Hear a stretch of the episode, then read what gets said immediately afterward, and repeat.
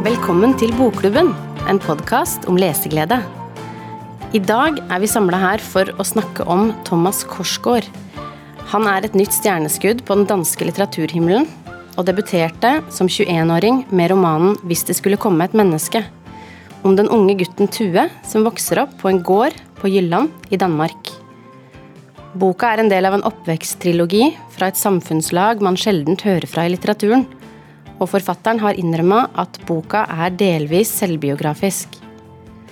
Vi i Bokklubben hadde boka som hovedbok, altså den boka som tilbys våre medlemmer, i mai, og vi var flere på kontoret som leste den og ble veldig begeistra. I dag har jeg invitert redaksjonen i Bokklubben, som består av Erlend, Bente og Runhild, til en annerledes podkastepisode, nemlig en der vi snakker om boka Hvis det skulle komme et menneske, uten manus. Jeg har ikke lagt noen føringer for episoden, og det dere hører her, er redaksjonens og mine oppriktige meninger om boka. Før vi går i gang, vil jeg bare si at denne episoden her, den er laga for deg som har lest boka. Vi kommer til å røpe både handling og slutt, så har du ikke lest enda, så anbefaler vi at du gjør det, og kommer tilbake til denne episoden når du har lest. Da, Erlend, Bente og Runhild, velkommen hit. Takk. Takk. Takk. Jeg tenker, eh, Bente, det er jo du som har valgt ut den boka her. Um, kan ikke du fortelle litt om førsteinntrykket ditt da du begynte å lese? Um, førsteinntrykket mitt uh, er vel at um, det handler om en ung mann som greier å se ting uh, Altså som greier å observere sin egen uh, situasjon og familie. Altså at han, han ser ting på avstand. Mm. det syns jeg jo egentlig er ganske interessant. Han har en innstilling som som er um, Ja, ting er som det er. Kan ikke gjøres så mye mer. Han må liksom prøve å gjøre det beste ut av det. da. Mm. Det er mitt inntrykk. Dette er jo en veldig fattig familie som bor i enden av en lang grusvei eh, på et eh, nærmest usynlig sted i Jylland. På Jylland, heter det kanskje? I, i Gokk. I Gokk, ja. ja skikkelig mm. Gokk. Og eh, bor sammen med mor og far og to søsken. Mindre søsken. Og mor og far er jo ikke De har jo ikke helt evne til å gi det barna trenger. de er, har dårlig med penger og dårlig med kjærlighet. Og jeg tenker jo at eh, Så ting eskalerer da når det er spesielle ting som skjer i familien som er ganske vonde. Mm. For det innledes jo, eller på en måte så innledes det med at uh, moren føder et dødfødt barn. Mm, som det ikke snakkes om. Som det ikke snakkes om i det hele tatt? Nei, ikke før veldig lenge etterpå i hvert fall. Mm. Så hun blir jo bare borte. Liksom innlagt på sykehuset for å ja, føde, og så kommer hun hjem uten barnet som døde. Jeg syns det er så vondt å lese, fordi de barna har jo spørsmål om hvor er mor, hvor er søsknene som de har venta på. Mm. Så bare Det snakker vi ikke om. Nei. Ja. Dere andre? Førsteinntrykk? Ja, nei, den, Nå sitter jeg med hodet mitt i den eh, litt vonde situasjonen der. For den, er, den syns jeg er, eh, den er kjempevond. Mm. Og, og, og, så er det litt sånn betegnende far eh, Far er da med en gang veldig opptatt av kostnadene ved disse barna. Og setter det opp mot For han får litt kritikk for disse bikkjene han har. Han har jo en skokk med hunder som går rundt i tunet og og som må brødføs. og det, det mener han de har råd til, men de sliter jo rett og slett med å ha, ha penger til resten av familien. Så, men han, han, setter hunder opp mot barna uh, i, i, en eller annen sånn setting tidlig i boka der.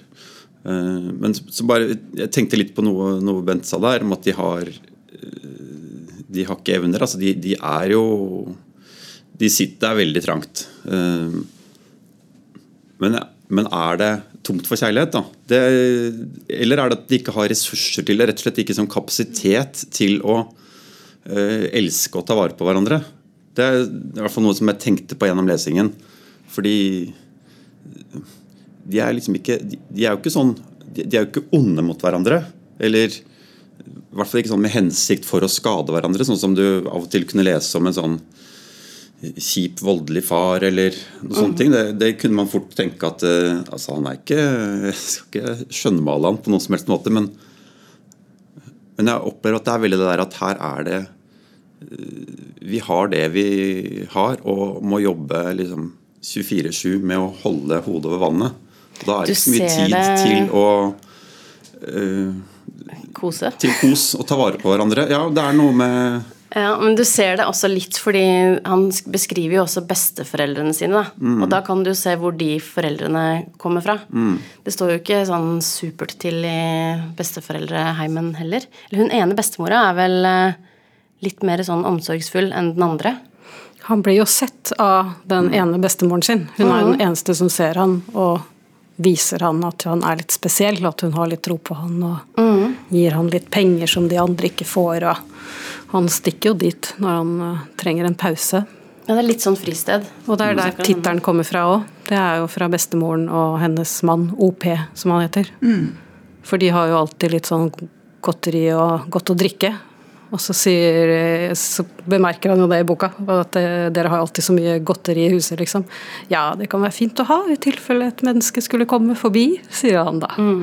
Så det er litt sånn Det syns jeg var litt sånn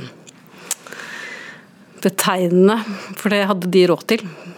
Og så kommer det jo en kommentar på at det er ikke så mange som kommer forbi, da. Men det, det skjer jo. Så ja. Skal ikke stå på godteri, i hvert fall. Det står ikke på snackset, men han er jo også litt overvektig, han OP, så det er ikke sikkert det bare er til de som går forbi, altså.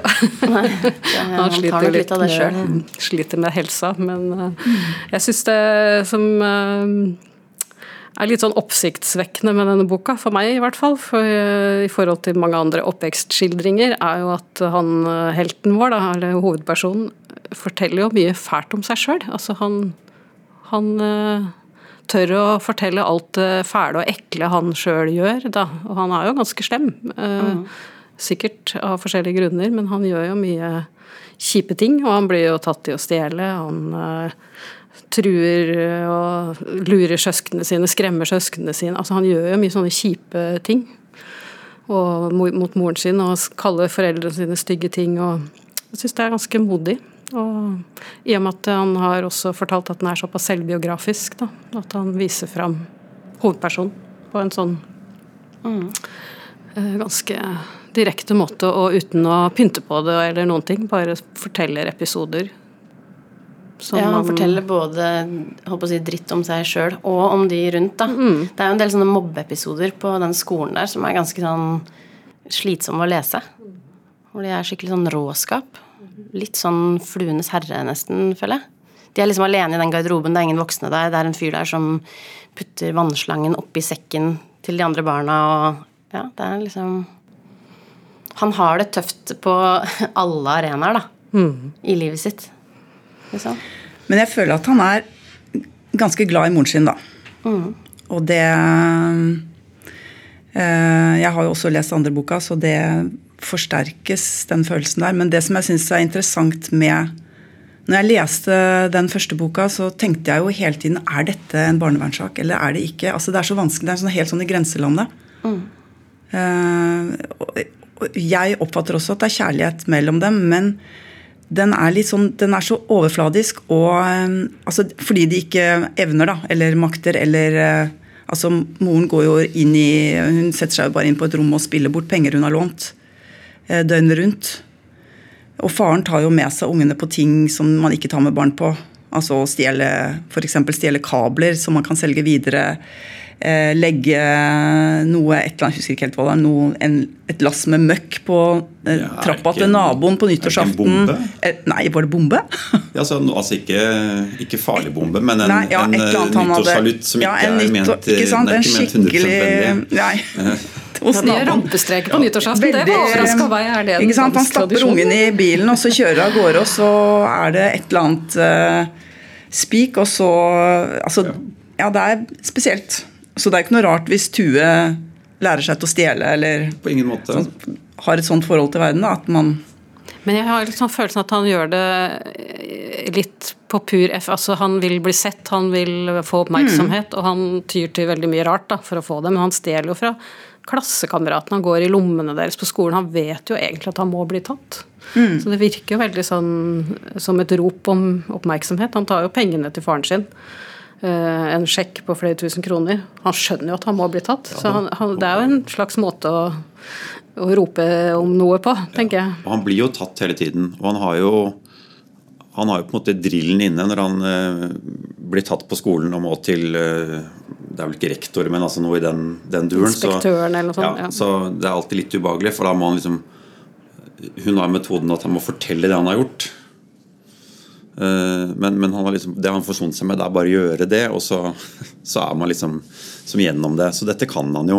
Og, og så kommer jo faren og henter han. Og, men det, Han er ingen populær gutt. Nei, han er ikke noen populær gutt, men, men, men når faren kommer da igjen, så er det jo en slags sånn omsorg på den farens premisser, da. Ikke sant? Det er ikke noe Han, er, han henter nå gutten, han hører på hva de har å si, og tar han med hjem. Og, og det er jo ikke det er jo ikke noe avstraffelse, eller, men det, det blir jo pratet om. Men, men kanskje litt sånn på hvordan man skal komme seg unna det. Like mye som eh, at man ikke bør gjøre sånn. Ja, litt, Men det er, et, det er et godt eksempel på hvordan han faren på en måte viser omsorg, da. Fordi han eh, blir sendt til den inspektøren for et eller annet. Han har gått inn i jentegarderoben, tror jeg, for å hente en jakke, mens jentene skifter, og så blir han sendt til inspektøren. Og da når han kommer hjem og forteller det til faren, så sier faren her har du et eh, kjøttbein. Det pakker vi inn, og så det tar du med deg til inspektøren i morgen, liksom. Du må ikke la deg eh, kue. Og da tenker jeg sånn, ja, mm, det ser hvor det kommer fra. Det kommer jo på en måte fra et godt sted. Men ja, det er jo litt spesielt, da. Det er veldig spesielt. For da går han jo og leverer det til den inspektøren, og ja. Tenker jo sikkert sitt. Og så er det hele tiden, virker litt sånn hele tiden som de er litt letta hver gang han gjør noe som har noe med jenter å gjøre. fordi han blir jo, det blir slengt homo etter han hele veien. Både på skolen og hjemme, egentlig. Og det er jo helt tydelig at det er ikke noe man bør være. Og i hvert fall ikke fortelle at man er det hvis man er det. Så jeg, også den her episoden med han hadde printa ut ved et uhell masse altså Han forteller jo mye sånne pinlige ting, som at han har printet ut uh, noe pornografi fra nettet med et uhell. Og de kommer jo ut på printeren på kontoret, og så klarer han ikke å stoppe det.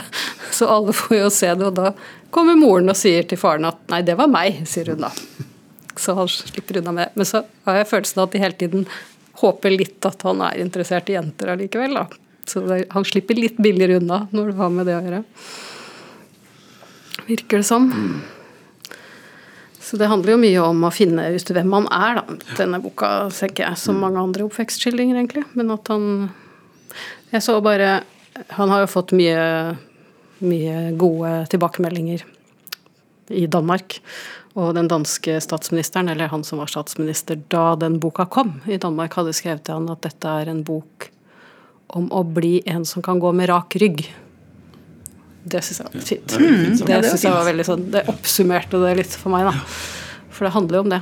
Hvem er jeg, og hvordan skal jeg kunne være i denne verden som meg, og være bra nok, liksom. Så er det og han har jo litt oppdrift, denne forfatteren. Men han har jo sendt boka til statsministeren sjøl. Så Ja, for det, det er jo en ting som er Altså Det er ikke unikt i denne boken, men litt spesielt at det er en fra den klassen som skriver. For veldig mye av det vi leser, er jo eh, Altså de som har eh, ja, midler da, rett og slett til å sette seg ned og skrive bøker, er jo ofte middelklassen. Eh, og, og deres liv er jo Ja, det er masse, masse ved de livene òg, men det, det er jo litt forfriskende å høre om noe fra en klasse og et liv man ikke hører om så ofte. Og så Man har jo lest om sånne ting før òg, men det er for meg så opplever det ekstremt ekte. Altså, Jeg tror på hvert ord. da. Så det er fordi at det er jeg vet ikke, jeg tror ikke da at dette er en sånn Knausgård-variant hvor, hvor han skriver ut sitt liv i, i, liksom fra A til Å. Det, det tror jeg ikke, men, men, han sier vel at det er selvopplevde ting. og Det er det er hans oppvekst som helt sikkert er pyntet på eller diktet opp uh, hendelser her, men, men liksom, tonen der og alt sammen tyder på at det er en som, som vet hvordan dette oppleves, hvordan det føles. og ja, ikke, ha dette som, som, vi andre har da, å, å spille på.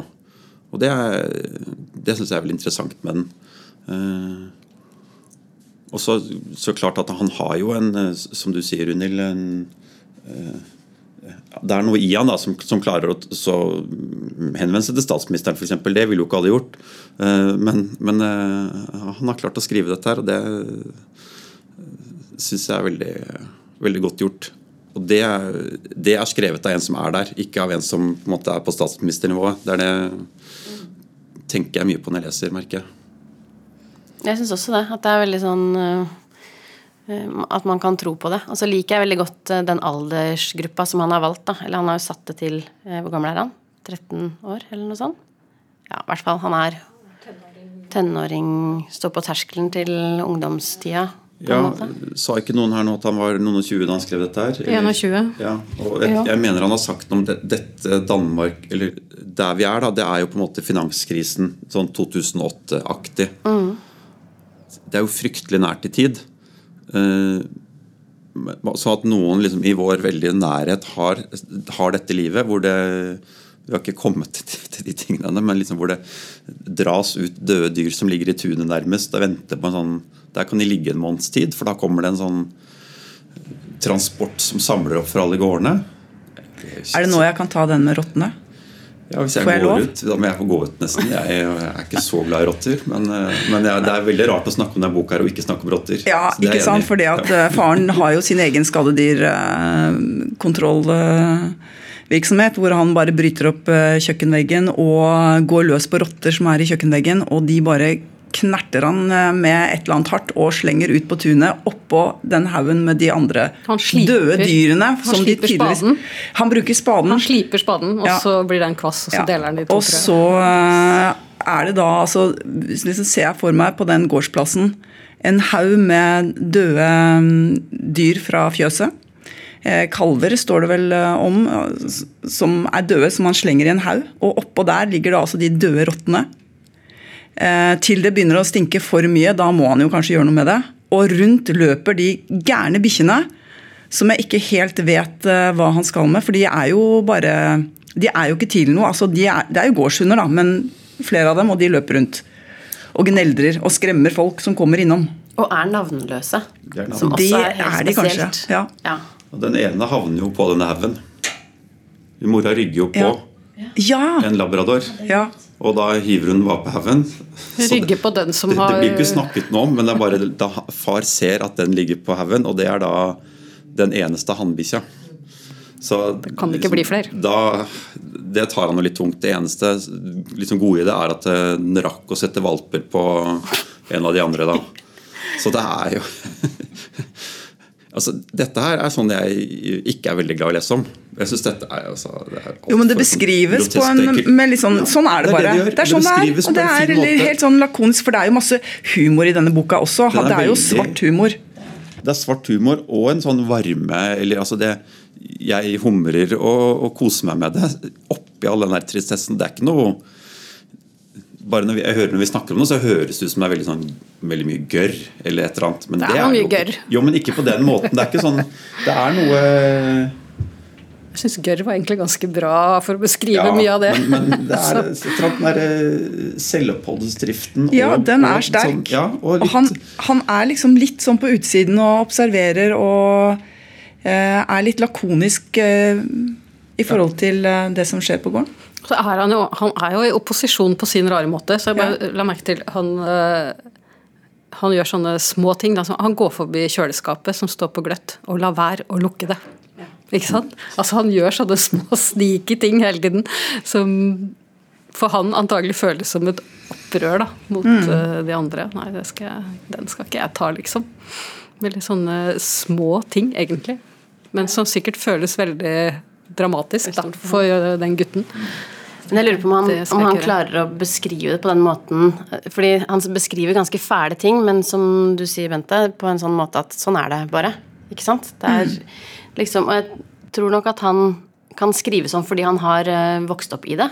Mm. Så han kjente ikke til noe annet. Eller sånn var det bare, da.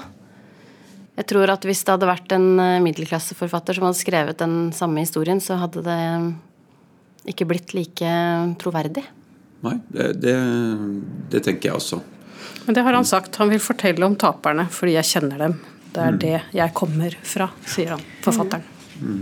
Men jeg tenker at han, han bor på, et, på den, altså den gården um, har antageligvis ikke så mange naboer som er nær altså Han har ikke noen, så mange å sammenligne seg med, da. Altså Han går på skolen og Der har han ikke så mange venner, han har ikke med seg så mange hjem, han er ikke hjemme hos så mange. Altså, han, er, han har jo med seg Lasse hjem, og det er jo en ganske gutten sterk hund, scene. hundeånden. Fordi han, Lasse, når han er med han hjem, så forventer han at de skal spille Fifa eller gjøre noe annet gøy. Og det har jo ikke han. han har jo ingen sånn, altså, man må liksom minne seg sjøl på hele tida at dette er nå. Det er ikke, det er ikke 50 år siden, liksom. Det er er nå. Og så da blir jo han litt desperat for å finne på noe som er kult, så da går de og leker i høyballene, som er strengt forbudt, for det er jo livsfarlig. Og så går det jo skikkelig gærent. Og der er det jo sånn, føler jeg, på hakket at noen tenker at her må noen gripe inn, fordi det virker så uansvarlig, da. At de guttene har vært der inne alene, og, og det går nesten helt galt. Og da er han jo stempla. Ja, for da På er det skolen og i nærmiljøet. det lukter. Jeg husker ikke hva, men det er, det er i hvert fall ikke pent. Han eh, var det Lasse, Lasse, tror jeg han han gutten. sier på en måte 'her lukter det dritt', eller altså et Ja, eller annet ja, sånt ja. nå, som det er veldig uh, tydelig at her, her er det litt stusslig å være. Ikke sant? Mm. Uh, og, og ja, da blir han gjort oppmerksom på det. Så det er det er jo en vond altså Det å være vitne til det. At, Ja, at det går opp for Tue at Å ja, sånn Og han har jo invitert han hjem og regna med at ikke det kom til å bli noe av. Så han Ja, får jo veldig sånn Å, shit, nå må jeg finne på noe her.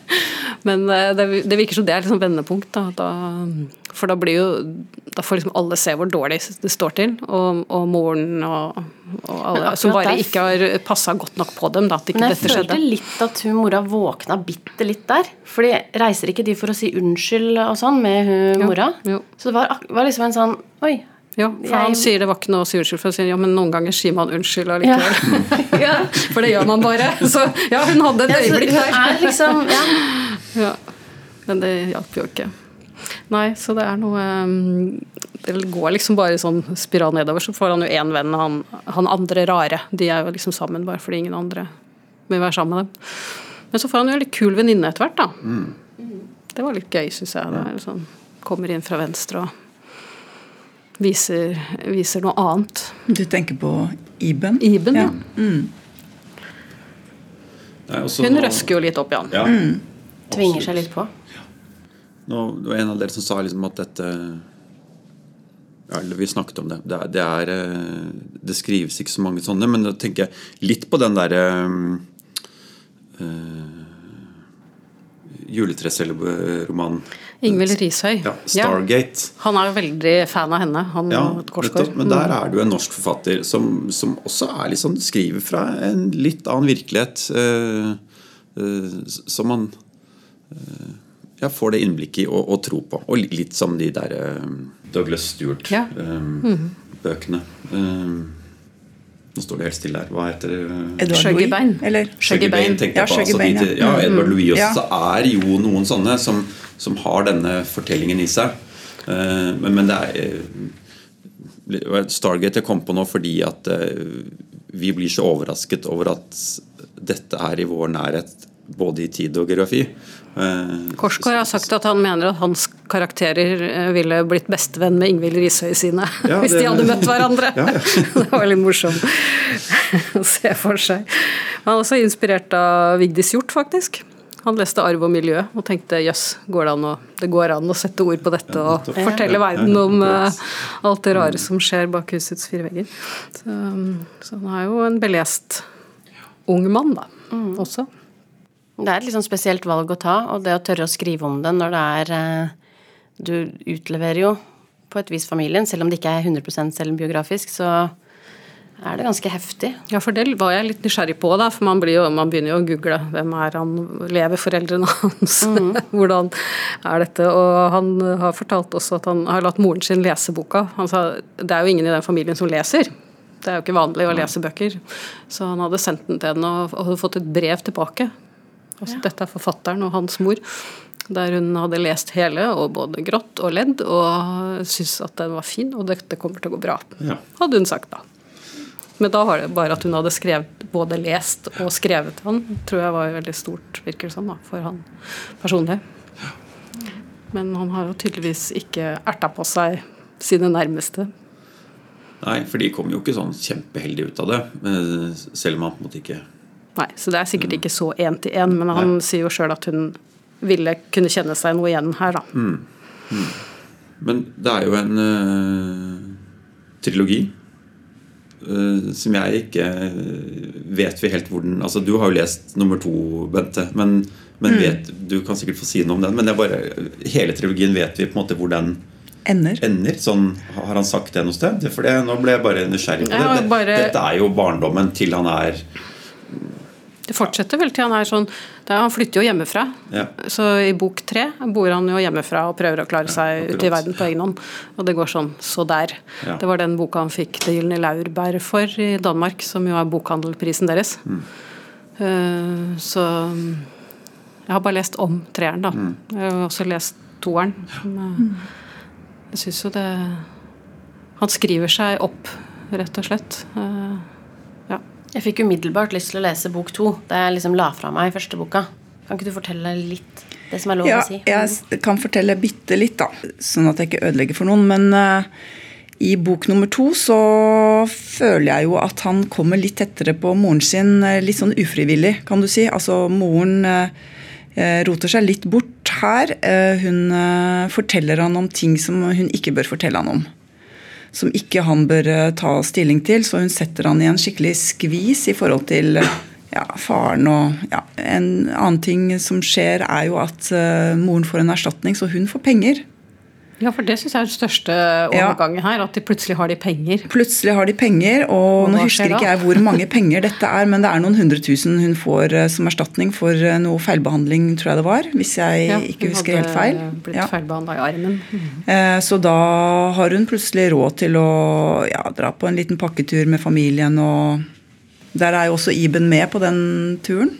Ja, For de tror jo hun er kjæresten, selv om han Ja, nekter. de tror jo at hun er kjæreste, ja. Um, men eh, selv om hun får, altså kommer til eh, noen kroner, så går det jo ikke bedre. Altså, det er så mye grunnleggende eh, vanskelig her at ting, ting endrer seg jo ikke i den familien, selv om de får litt bedre råd. Altså, Ting blir ikke bedre, men det som blir bedre for Tue, kanskje, er at han kommer seg litt ut. da. Han får nye venner, han kommer litt ut fra hjemmet, han er blitt eldre. Han får jo begynne på videregående. Han får jo begynne på det er videregående. en, eh, han er vel den eneste i familien også da, som tar videregående. Ja. Fordi noen på skolen har sett at han har evner. Mm. Og da får han lov til det, da. Så det er vel eh, kanskje sånn i korte trekk, eh, uten å si for mye. Jeg tenker at altså, Den andre boka føler jeg er enda mer sånn episodisk, hvis man kan si det. At det er mange små episoder som flettes sammen, og så noe går bra, noe går skikkelig dårlig. Og han skriver, altså måten han skriver på, er veldig altså Det er veldig bra skrevet. Er veldig sånn enkel eh, tekst uten å være fiffig på noen måte. Jeg er helt enig med deg, Mia, at jeg har lyst til å lese mer. Men det er, det er ikke en sånn Det er ikke fordi jeg er så Jeg går ikke liksom Å, hvordan går det med ja. Men det er bare, det er bare en sånn god fortelling om, om det livet som jeg gjerne leser mer om. Eh, Jeg merker at jeg er veldig tent på den, på den videre ferden, da. Mm. Ja, for det er ingen sånn tydelig Hva, skal, hva heter det på norsk, da? Cliffhanger. Altså, det er jo ikke det. Nei, det er det er ikke det er ikke, Det er ikke sånn at du er nå hva, Ikke sant? Den, dette er jo en bok som står utmerket for seg selv. Mm. Det er jo ikke noe men, men det er bare tonen, hvordan han skriver, det han skriver om, leser jeg veldig gjerne mer om, tenker jeg. Det er, det er den- på en måte Altså, det er eh, på en måte skrevet eh, så, altså Ting skjer, og han skriver om det som skjer. Sånn i, i rekkefølge. Og så er det ikke noe Det, er, det, er liksom ikke, det bygges ikke opp mot et eller annet eh, stort som skal skje her. Eller, altså, det er bare episoder som følger hverandre. Ganske fint, uh, syns jeg. Ja. Han blir jo med på hans reise videre i livet. Han har jo Mm. uh, sagt at han skriver fordi at han, han, han bare bobler over av ting han må, Må må uttrykke. Mm. og det er jo det han på gjøre i disse bøkene. Jeg er, Man kommer inn i et univers som du, som du vil være med videre og se hvordan det går, rett og slett. Og få se på utviklingen og det er jo en øh, slags dannelsesroman, da, kanskje. Sånn øh, oppvekstskildring og dannelsesroman. Vi er med på hans øh, ferd mot å bli seg sjøl. Vi lurer jo på om han vil greie seg. Men jeg lurer jo også på søsknene hans om de eh, vil greie seg. Og de får vi jo egentlig vite veldig lite om. De er, eh, er der, men de er ikke beskrevet så godt, da. Det kan jo være at han har tenkt at han skal tenker at han skal ta hensyn til dem på en måte når han har skrevet. Men skal vi si noe om eh, hvor, når boka kommer? Den kommer i august. Nummer to kommer i august. Mm. Og nummer to heter? Den heter øh, Oi, nå hadde jeg glemt det. Et eller annet med å le av det. Ja, ja En dag en, vil vi le av det. Nettopp. Mm. det er, altså, han er jo veldig god på titler. Ja. De Bortsett fra at man ikke husker det med en gang. Men, eh, men de er jo vakre og, og beskrivende. Og, og det er også fra boka. altså ja, Det er ganske på slutten av boka, tror jeg. Så sier de men en, uh, mm. at dette var ja, Det er mye som ikke er bra, men én dag vil vi le av det. Kanskje ikke i dag og ikke neste år og ikke år etter der, men én dag. en dag. Det er lenge til. Det skjønner vi. Mm. Ja, ja. Dette er hva jeg skal lese i sommer. Ja. Samme her. Mm. Eh, da har vi kommet til veis ende, tenker jeg. Vi i Bokklubben føler oss sikre på at dette bare er begynnelsen på et stort forfatterskap. Hvis du fikk lyst til å lese den første boka nå, så finner du den på bokklubben.no. Bok nummer to blir hovedbok til medlemmene våre i august. Vi er snart tilbake med en ny episode, og til da god lesing.